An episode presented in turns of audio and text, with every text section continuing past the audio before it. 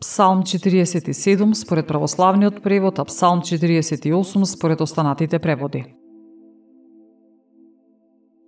Голем е Господ и многу фален во градот на нашиот Бог, на својата света гора. Прекрасна возвишеност, радост на целата земја е гората Сион. На северната страна неизина е градот на големиот цар.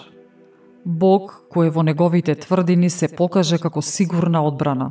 Зашто ете се собраа царевите земни, сите дојдоа заедно. Па откако видоа се восхитија, се стаписа и збунети побегнаа. Страв ги опфати таму, па се мачеа како жена родилка, како силен ветар што ги разбива тршишките кораби. Како што чувме, така и видовме во градот на Господ Саваот, во градот на нашиот Бог. Бог го основа за довека.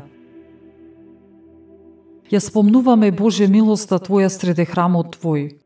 Името Твое, Боже, како и Твојата слава до сега до краиштата на земјата – Твојата десница е полна со победа.